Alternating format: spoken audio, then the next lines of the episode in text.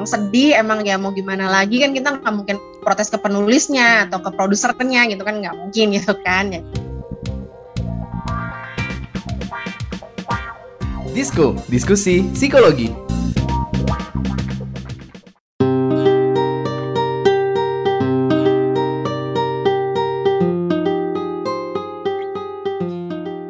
Halo Warrior, selamat datang kembali di podcast Disco, diskusi psikologi persembahan kantor berita radio atau KBR bareng komunitas Into the Light Indonesia. Hapus stigma, peduli sesama, sayangi jiwa.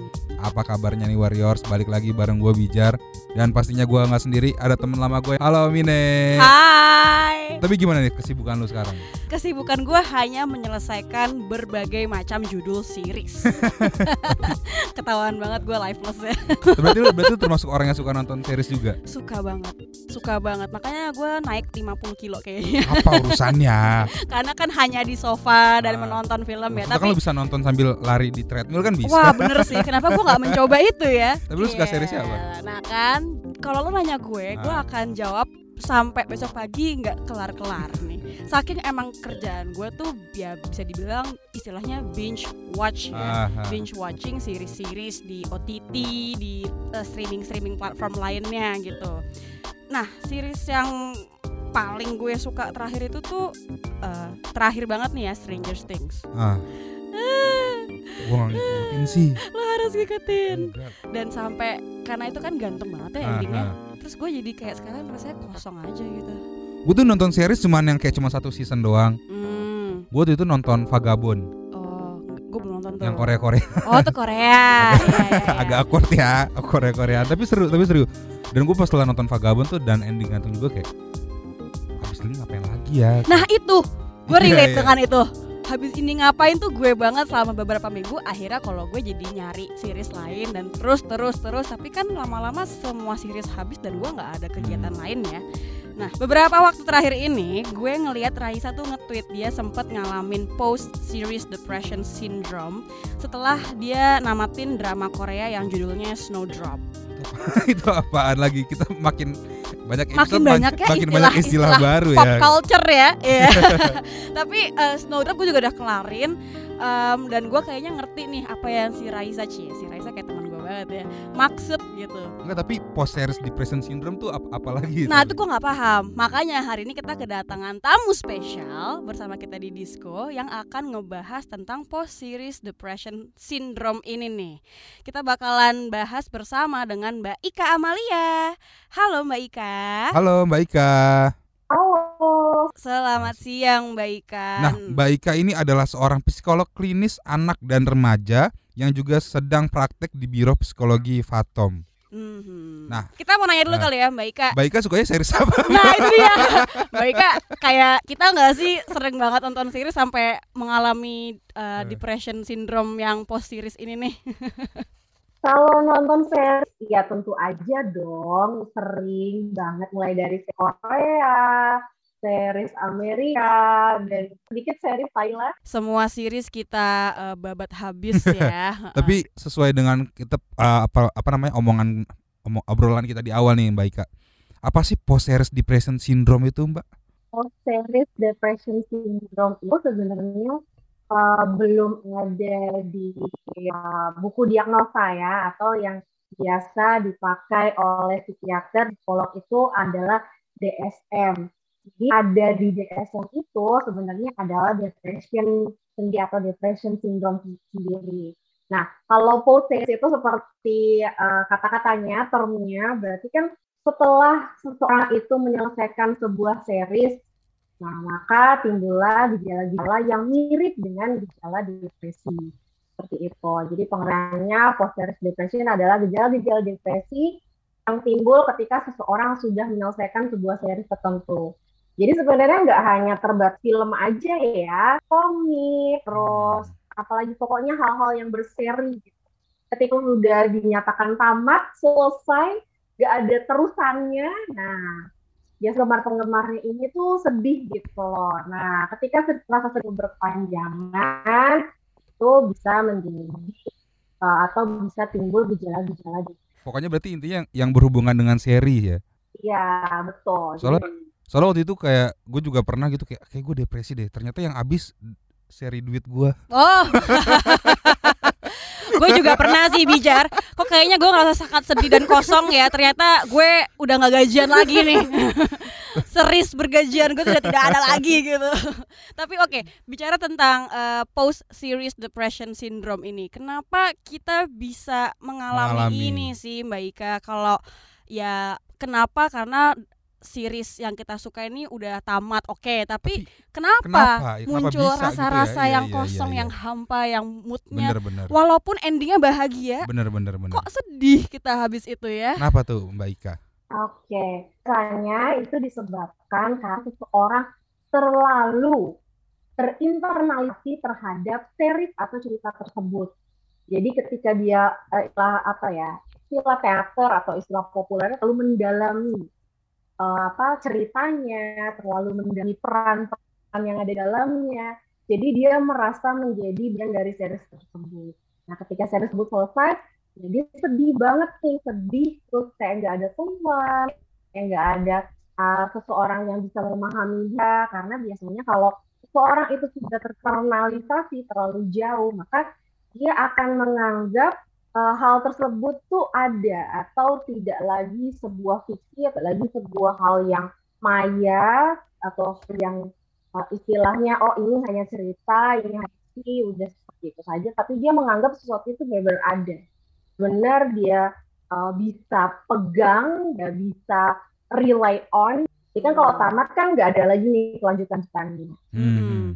rasanya tuh kayak uh, tadi ya kata Mbak Ika sangat mendalami, sangat apa invested gitu ya hmm. bahasa jakselnya. Mbak Ika, apa aja ciri-ciri orang yang mengalami post series depression syndrome ini, yeah. Mbak Ika? Selain dari tadi merasa sedih dan ah, hampa itu kan iya, iya. beberapa iya. ciri dari uh, gejala depresi itu sendiri benar, ya. Benar, benar. Tapi kalau dispesifikan di post series depression syndrome ini apalagi sih uh, ciri-ciri yang bisa dilihat gitu nonton, atau dirasakan. iya, nonton berulang-ulang lagi gitu kayak nonton lagi ah gitu.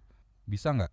Iya itu juga bisa tapi itu justru akan menambah kesedihan dia. Hmm. justru itu malah apa ya malah menurut saya coping stress yang bagus gitu. Ketika kita menyelesaikan sebuah seri terus kita menonton lagi untuk move on gitu jadi itu seperti metode desensitivisasi. Jadi desensitivisasi itu ketika kita trauma terhadap sesuatu, takut terhadap sesuatu, kita langsung hadapi dengan ketakutan itu gitu secara loading atau langsung gitu dengan uh, medianya secara langsung. Nah, itu justru coping stress yang baik kalau kita menonton berulang seri tersebut gitu. Tapi kalau tentunya sesuatu yang berlebih itu nggak baik ya. Nah, tapi kalau uh, berlebihan, nontonnya bisa sampai 10 kali atau 20 kali dan jatuhnya ke arah obsesi, maka itu juga nggak baik seperti itu.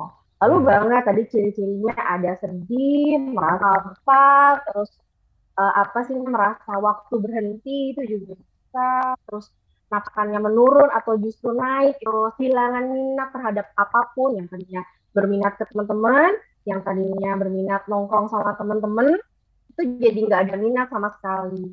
Yang ada dia malah lari apa ya istilah misalnya uh, fakta-fakta di balik syuting atau misalnya fakta-fakta di balik cerita uh, ini itu seperti apa dan bla jadi dia uh, menggunakan hal segala macam di sekitarnya itu tadi seperti yang saya bilang kalau ini adalah depresi mirip dengan depresi jadi hal yang mirip dengan seorang yang memiliki uh, kondisi depresi itu muncul di orang yang uh, juga memiliki post series depression ini. Gitu.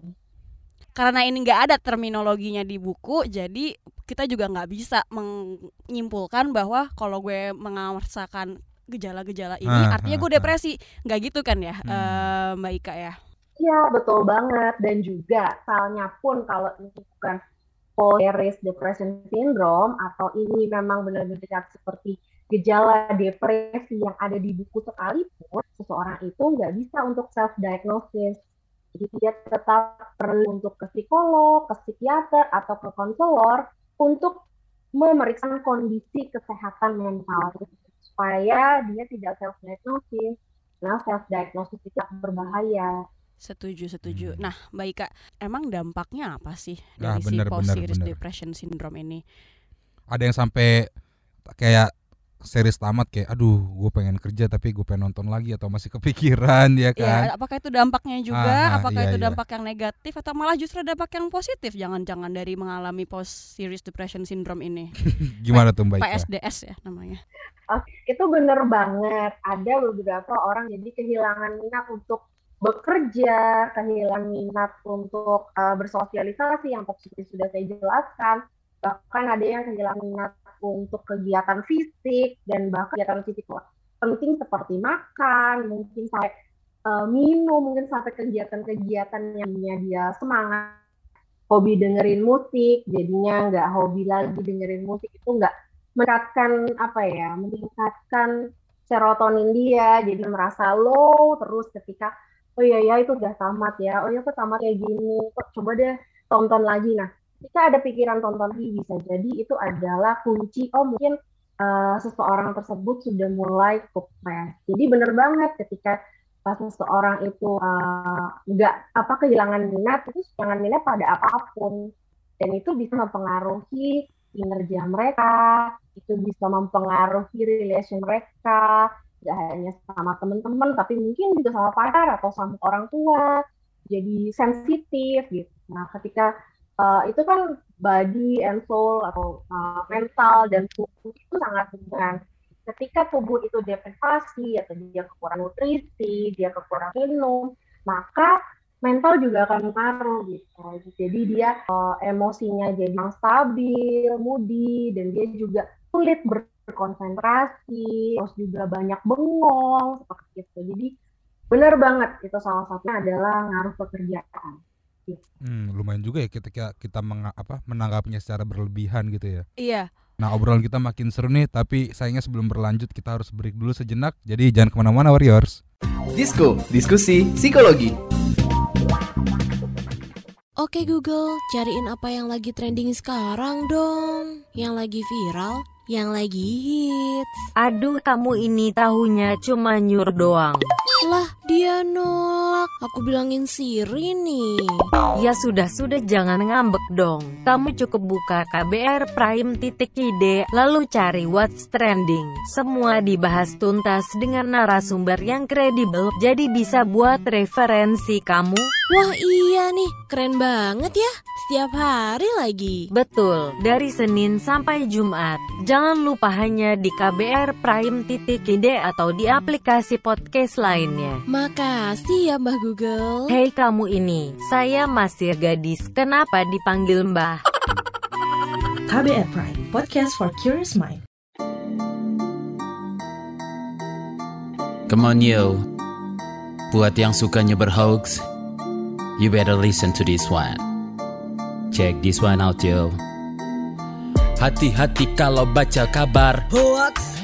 Jangan langsung disebar kabar yang Hoax. Kalau mau tahu kabar benar atau Hoax. Dengerin cek fakta yang pasti bukan Hoax Dengerinnya setiap Senin yang jelas bukan hoax Cuma ada di kbrprime.id Dan aplikasi podcast lainnya Hoax Sudah cukup-cukup hoaxnya? Hoax Cukup Jaga emosi, tahan jari, verifikasi sebelum dibagi. Saya Ari Bowo Sasmito, Ketua Komite Pemeriksa Fakta Mafindo. KBR Prime, podcast for curious mind. Disko, diskusi psikologi. We're back Warriors. Kita lanjutin lagi ya ngobrol seputar PSDS. Ini Post series bikin- depression Iya, gue bikin sendiri aja. Siapa gitu gue bikin-bikin aja. Nah, ngomong-ngomong tentang post series depression syndrome, Mbak Ika, gimana ya caranya biar kita bisa mengatasi post series depression syndrome ini? Apalagi tadi ya konteks tambahannya Hmm. kita lagi di masa pandemi ya walaupun udah, udah- mulai pelan-pelan iya. normal, tapi kan nggak setiap saatnya kita merasakan back to normal Iya, banget iya, gitu iya, ya, iya. masih adjusting lah Iya, saat iya, ini iya, iya. kondisinya. Gitu. Cara mengatasi si PSDS ini gimana? Oke, dalam hidup itu kita perlu yang namanya balance. Ketika kita sudah berat di satu timbangan atau di satu aspek kehidupan, maka bisa dipastikan atau bisa jadi lain dalam kehidupan kita itu eh, sedikit terganggu atau bisa jadi berantakan. Ketika kita apa selesai nonton sesuatu ini contohnya langsung ya nonton kayak bisa kita langsung apa ya kita langsung bergerak kita langsung keluar kita langsung mengkatarsiskan emosi-emosi yang kita rasakan ketika kita nonton series tersebut. Kan sekarang kan series banyak macamnya ya. Hmm. Ada yang memang mengangkat dari psikologisnya ada mengangkat dari horornya dari kebanyakan sekarang psikologisnya dan itu juga sebenarnya berpengaruh kepada yang nonton. Jadi yang menonton itu perlu untuk menurunkan gitu atau mengkatarsiskan emosi-emosi yang tertinggal itu tadi agar dia tidak mengendap, agar dia tidak menjadi opsi dan akhirnya ya obsesi itu berlebihan dan muncul lagi gejala depresi. Ya caranya seperti itu. Ya sudah terlalu banyak nonton, mungkin ini saatnya untuk bergerak. Yang namanya bergerak itu kan nggak perlu keluar rumah ya bisa di dalam kosan atau bisa di dalam rumah gitu. bergerak aja. Ya apa ya sesimpel uh, step dari mungkin dari tempat tidur ke ya kerja sesimpel itu aja. Bergerak ber, buatlah tubuh itu berat. Hmm. kalau kita nonton itu kan kita berarti kita diem aja. Kita diem aja gak gerak terus mungkin kita makan atau mungkin kita minum dan itu gerakan jadi ya pertama hal pertama untuk move on ya just move your body. Gitu caranya supaya kita bisa move on terus gimana cara kalau misalnya kita udah merasa nih kayaknya ada deh sedikit hal atau mungkin banyak hal yang menyebabkan kita down ketika sebuah series itu berhenti. Nah, itu yang bisa dilakukan. Pertama, nggak apa-apa terima aja. Emang sedih, emang ya mau gimana lagi kan kita nggak mungkin protes ke penulisnya atau ke produsernya gitu kan nggak mungkin gitu kan. Ya jadi kita perlu terima hal itu dan ya udah habis itu kita move on just as simple as move your body then everything will will follow gitu. Kalau emang jalan dari tempat tidur ke meja kerja itu belum following something through your body ya mungkin jalan keluar atau jalan lebih banyak gitu dan melihat hal yang lebih banyak melihat yang berbeda seperti itu itu kalau dari saya oke okay. Mbak Ika, aku super setuju banget. Iya, yeah. agak lebay yang ngomongnya super setuju banget. Tapi aku seneng sih karena uh, dari diskusi kita hari ini mengingatkan aku bahwa setiap hal pasti akan ada akhirnya. Tapi yang juga wajar emang iya, namanya kehidupan itulah gitu. hidup iya. betul gitu. Makanya kalau memang sudah sampai pada di penghujung acara, penghujung cerita ya kita bisa menerima itu kita bisa move on gitu ya kita ambil baik-baiknya habis itu kita mencari lagi hmm. series yang lain gitu ya contoh-contohnya oke deh warrior sampai di sini dulu podcast disco kali ini terima kasih banyak buat Mbak Ika Mbak Ika terima kasih ya Iya, sama-sama. Senang sudah bisa membantu. Terima Thank kasih buat Mbak Ika, Ika yang udah bersedia untuk sharing pengetahuan tentang post series depression syndrome di episode kali ini. Dan terima kasih juga buat kamu yang udah mau mendownload dan mendengarkan podcast ini. Dengan mendengarkan podcast ini, semoga kita bisa ikut membantu menghapus stigma di masyarakat, lebih peduli juga terhadap orang-orang di lingkungan sekitar, dan tentunya jangan lupa ya untuk selalu menyayangi jiwa sendiri. Sampai ketemu lagi di podcast Disco episode selanjutnya. Jangan lupa buat dengerin terus di kbrprime.id. Gue Bijar. Gue Mine. Pamit undur diri dulu. Dadah. Bye. Disco, diskusi psikologi.